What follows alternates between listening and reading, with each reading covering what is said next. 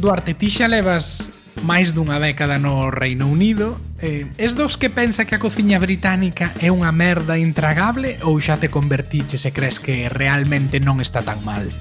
Son dos segundos, son dos conversos. Creo que a cociña británica está moi infravalorada e tamén polos propios eh, británicos. É algo que non traballan moito e ignoran ignoran bastante, pero se vas a un sitio, a un restaurante ou a un pub no que se preocupen un pouquiño máis por ter vos ingredientes e por facer as cousas un chisquiño mellor, pero utilizando as receitas tradicionais, creo que podes atopar cousas eh, moi ricas. Así, por exemplo, lo que a mí máis me gusta, o Sandy Roast, eh, que son os asados estes de, de domingo, con verduras, con unha especie de pan que se chama Yorkshire Pudding, con despois eh, terneira terneira asada, así un poquinho rosa, rosada polo eh, polo centro, iso está moi bo. Encántanme as pies, que son como unha especie de empanada quente que normalmente se fai de carne, pero pódense facer de outras moitas cousas, os eh, os os shepherd's pie ou os cottage pie, que tamén son como unha especie de pastel con puré e carne picada, todas esas cousas están están moi boas e creo que se están ben feitos, se traballan ingredientes de calidade, como en algún sitio se está facendo, eh, pagan pagan moito a pena. Entonces non non reduciría toda a comida británica ao fish and chips ou a dúas historias máis, eh, realmente hai cousas eh, das que se pode disfrutar aquí. Ti non levas tanto tempo, pero que houbo algo aquí que, que che gustase da, da comida daqui? A ver, eu recoñezo que en canto rascas un pouco, sí que é certo que podes atopar sitios de cociña británica onde se come ben, aínda así creo que é unha cociña ou gastronomía moi pouco variada, pero bueno, son moi fan do Sunday Roast, igual que a ti, pero unha das cousas que máis me gañou e que así un prato moi de pub é o sausages and mash, que é o, o que vería sendo salchichas eh, cun puré de pataca e adoitan poñerlle unha, un, un mollo por riba, o que aquí lle chaman gravy, que é algo que atopas en moitos pubs. E a verdade é que é que iso foi unha que non o coñecía antes de chegar ao Reino Unido e foi unha, unha das cousas que, que me gañou. Eh, ese prato e en xeral a cultura que hai eh, das salchichas, non? Porque mm. cando pensamos en salchichas eh, no Estado español ou en Galiza, se cadra pois pensamos nesas salchichas así máis industriais, de cor uniforme, sí. eh, que podes atopar no supermercado, pero aquí pois hai moita máis variedade e é unha é algo máis parecido que sería un criollo noso, máis eh, salchicha, sí, sí, sí. non non ten ese sabor de chourizo, pero bueno, ese ese tipo de salchicha, verdade, que foi é unha das cousas que, que en Galicia sí que, sí que votaría de menos uh -huh. e que me gustan da, da gastronomía británica, verdade? Pois, precisamente, como as salchichas son moi importantes para a gastronomía británica, no programa de hoxe imos falar da guerra das salchichas entre o Reino Unido e a Unión Europea. Dentro intro. About Brexit. What, what's that? Put your flags away, you're leaving, and take them with you if you are leaving now. With the light, with the music, very welcome everybody here. You're joking. There's too much politics going on at the moment. Hi folks, I've developed mild symptoms of the coronavirus.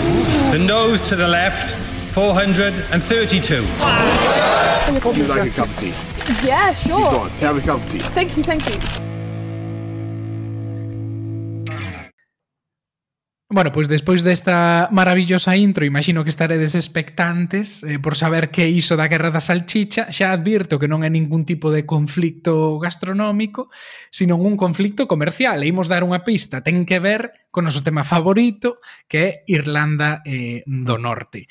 Eh, se escoitachedes o podcast que fixemos hai xa meses cando se elixiu a, a Joe Biden como presidente dos Estados Unidos, Nese podcast falábamos de que un dos potenciais escollos que podían dividir a nova administración estadounidense e o goberno británico era Irlanda do Norte. E por que? Bueno, pois porque Biden, eh, a nivel persoal, o seu tatarabó era irlandés, presume de raíces irlandesas e do apoio da comunidade irlandesa nos Estados Unidos, É porque pois os Estados Unidos xogaron nos anos 90 un papel importante pois nos acordos de Benre Santo, nos acordos de paz, pois que fixeron eh, pois chegar a, a pois precisamente a paz no conflicto de, de Irlanda do Norte entre unionistas e republicanos. Bueno, pois agora precisamente esta semana e máis concretamente hoxe que se celebra a reunión do G7 en Cornwall, é dicir, en Cornualles, esta eh, rexión eh, do suroeste do Reino Unido, pois Esta semana este conflicto volve estar de actualidade porque Joe Biden vai visitar o Reino Unido e porque as eh, discusións ou as eh, discrepancias entre a Unión Europea e o Reino Unido están máis candentes que nunca a respecto de como se vai regular a futura relación comercial entre o Reino Unido, a Unión Europea e a rexión de Irlanda do Norte, que uh -huh. formalmente forma parte do Reino Unido, pero parcialmente está eh, dentro do marco eh, regulatorio e comercial da Unión Europea. Claro. Isto resúmese ou ten a súa orixe este conflicto, este caos, no que se chama o protocolo de Irlanda do Norte, Duarte. Mm é algo que xa falamos, é algo que se asinou a finais sí. a finais de 2019. Eh, en que consiste este protocolo de Irlanda do Norte e eh, por que está outra vez de actualidade? A ver, imos facer un pouquiño de memoria. Os que sodes regulares do podcast xa tedes que estar hasta as narices de e que expliquemos o protocolo de Irlanda do Norte. Pero bueno, para tiñamos que, que dar, tiñamos que dar unha opción de se xa o sabes, pasa ao, pasa, segu, ao minuto 5 e xa saltate esta explicación. eso, eso estaría ben, eso estaría ben. E así e máis de, non, no mundo no mundo do podcast, que podcast. así podcast interactivos. Pero bueno, mentres non teñamos esa opción disponible, pois pues non vos queda outra, tedo que aguantar, podedes dar un poquiño pa diante se queredes, pero hai que hai que explicalo polo menos como como recordatorio. Pois ben, a idea é que en Irlanda do Norte había que evitar a toda costa que houvese unha fronteira física entre o que é a rexión británica de Irlanda do Norte e a República de Irlanda, o Estado Independente. Por qué? Porque isto eh, incumpliría o acordo de Benres Santo que pon a paz entre eh, o IRA e o, e o Estado británico e os, os paramilitares eh, unionistas, E unha das, eh, das cousas que tiña este acordo era que para favorecer a paz tiña que haber fluidez dentro da fronteira e iso pudose conseguir grazas a estar na Unión Europea. Entón había medo cando se asinan os acordos de Brexit de ter que construir pois unha reconstruir unha fronteira entre o norte e o sur, tendo en conta que é a única fronteira física que o Reino Unido ten co coa Unión Europea. Entón o acordo que se chegou foi esta cousa que se que, que se chama Protocolo de Irlanda do Norte, no cal Eh, sí, Irlanda do Norte fai parte do Reino Unido e, eh, e sigue as normas do Reino Unido, pero eh, a nivel comercial ten que manter un certo aliñamento co a Unión Europea a nivel de regulacións, uh -huh. etc. Para que? Pois para evitar que produtos que poda que podan chegar a Irlanda do Norte entren no mercado común a través desa fronteira non existente entre Irlanda do Norte e o sur de e o sur de Irlanda.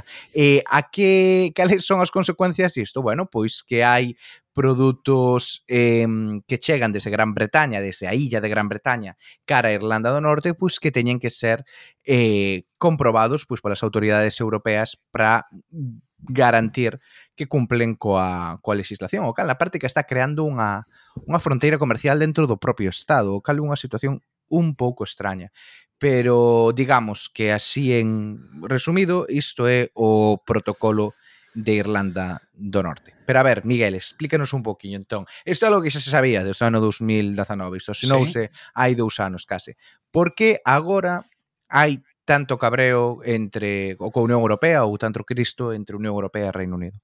Claro, pois pues, a ver, hai varios motivos. Eh, como ti ben dicías, isto xa era coñecido desde 2019 e é máis, desde xaneiro deste ano, cando o Reino Unido finalmente xa oficialmente sae da Unión Europea eh, e do mercado común, cando se acaba o período de transición, pois algúns destes controis na fronteira xa se eh, comezaron a, a aplicar nesa fronteira do, do mar de Irlanda. O que pasa é que, por así dicilo, ambas partes eh, acordaron establecer un período de, de, de graza, é dicir, como unha especie especie de período de transición extra só aplicado á, á relación entre Gran mm. Bretaña e a e Irlanda do Norte, que en teoría ia acabar a finais eh, de marzo. Era un período de graza, polo cal, pois as dúas partes acordaban, por así dicilo, facer un pouco a vista gorda e non ser tan estrictos nos controis eh, fronteirizos de mercadorías. Básicamente para que Irlanda do Norte non quedase desabastecida. Esa era Exacto. o principal motivo, que non chegasen ovos, e eh, leite que viñan de Gran Bretaña e que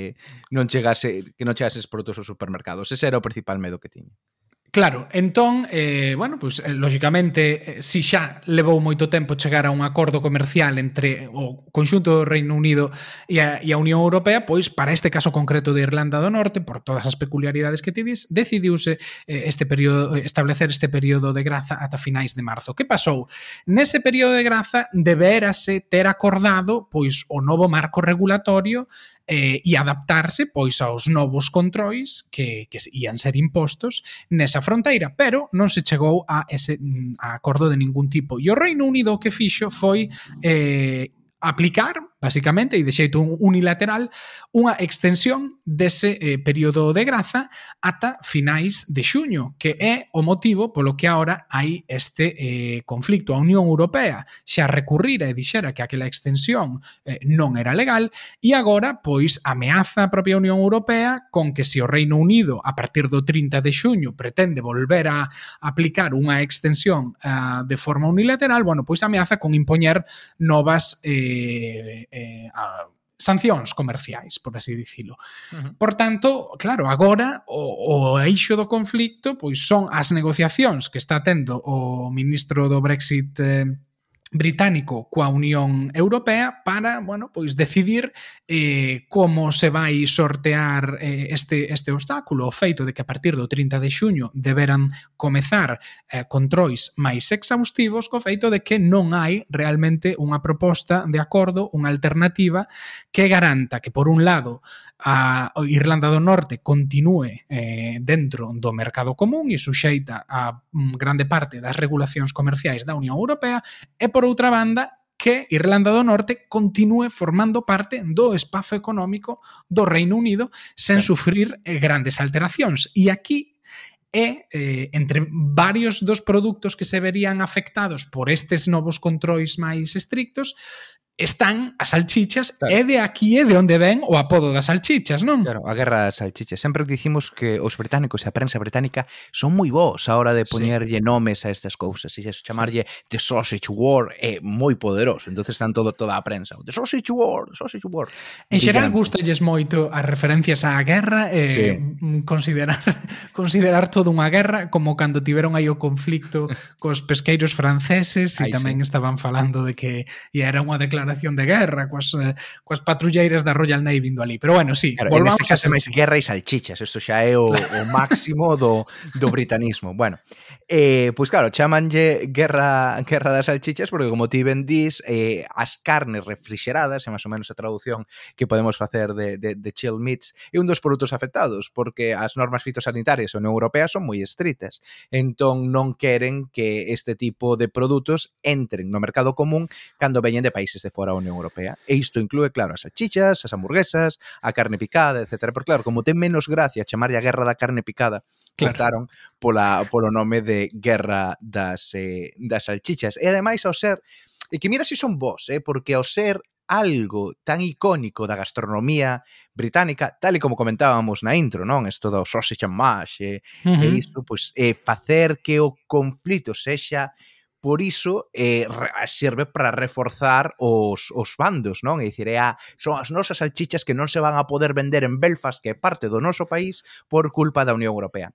Temos que lembrar tamén que este protocolo de Irlanda do Norte eh, moita xente da dereita británica considera unha imposición da Unión Europea en contra da vontade do, do goberno británico nun momento no que estaban moi débiles eh, entón, literal, non lles gusta. De aí a que houvese estes saltos, estas declaracións unilaterais de de extensións e de intentar sempre subvertir este este acordo porque bueno, non non están particularmente contentos, non?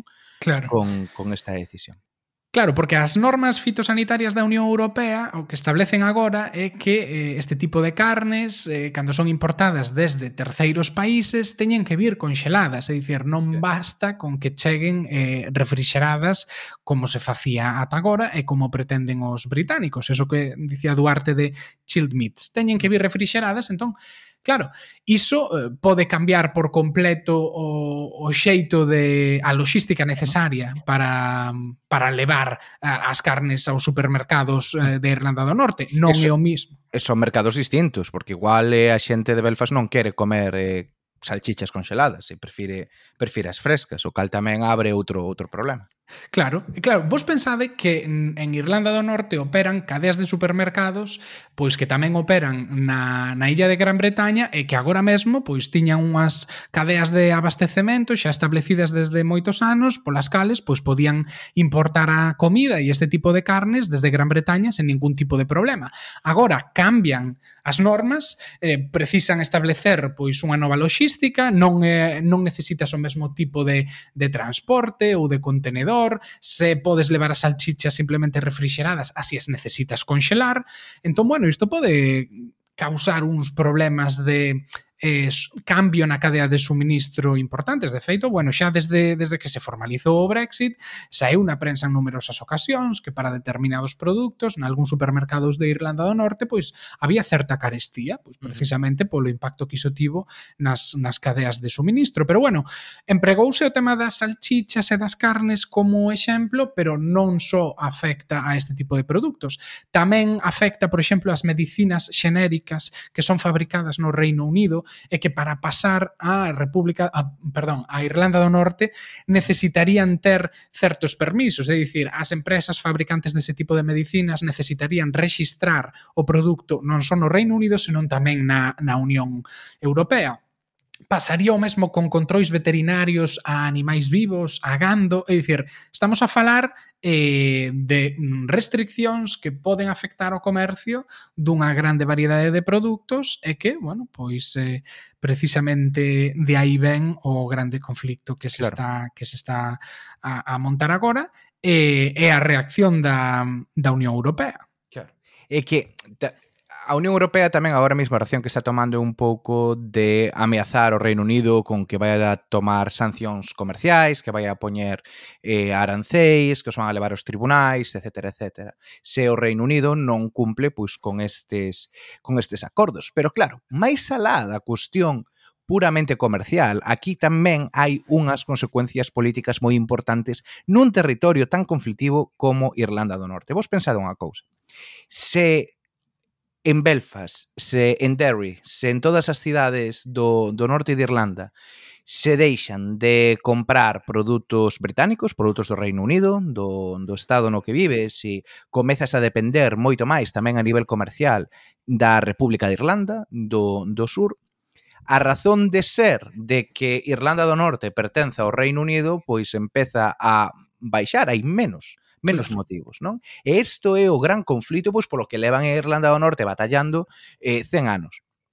Así que eh, bueno, non 100 anos, menos de 100 anos, pero este é o gran o, o, o gran conflito político, o gran conflito que esta cuestión comercial poda rematar apoiando a causa do nacionalismo irlandés que quere a reunificación do, da illa de Irlanda. Nun momento, ademais, no que o Sinn Féin está subindo eh, na República, bueno, no que pode haber un, un cambio tamén eh, político, no cal o independentismo escocés está, está forte, Non as teñen todas consigo en que isto non vai a contribuir pois a, a seguir desfacendo desfacendo a unión.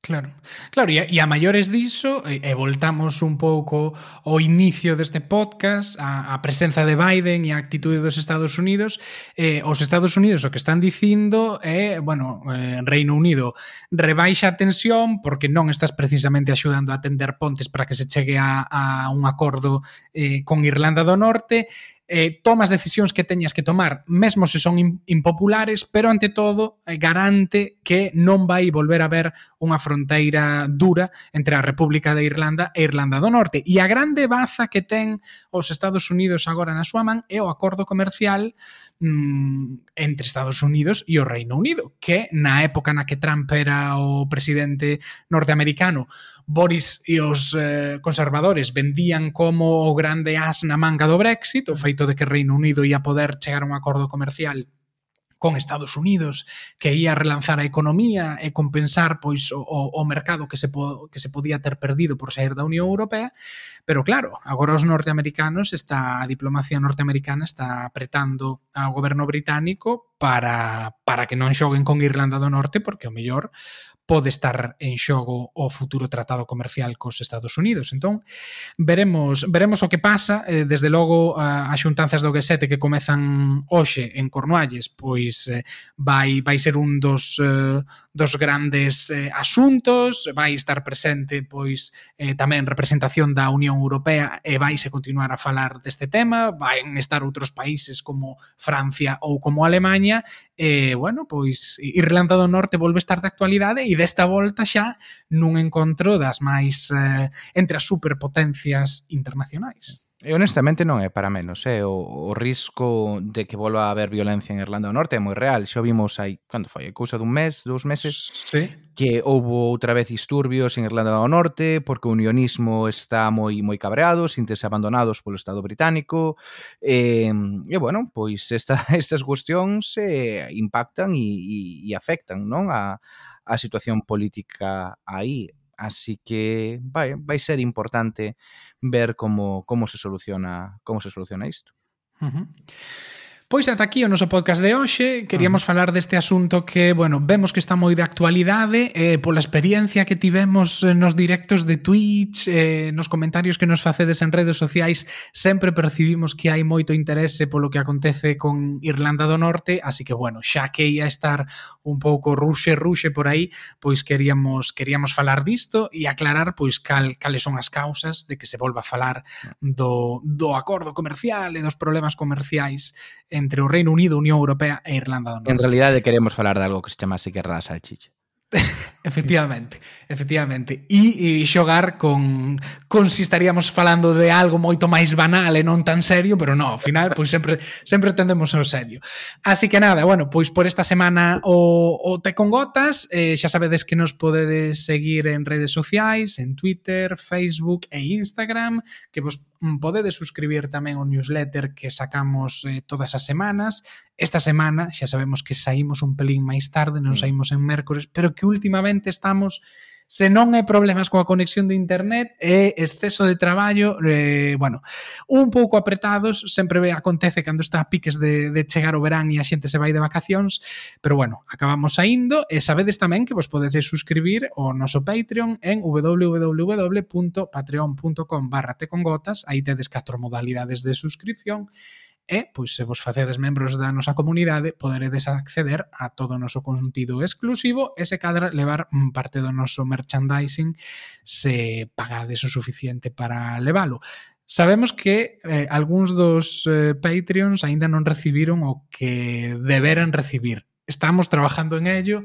Eh, hai xa tazas porque quedamos en elas que están xa en proceso de, de imprimirse e de que cheguen as vosas casas, así que eh, nada, non desesperedes que nada chega.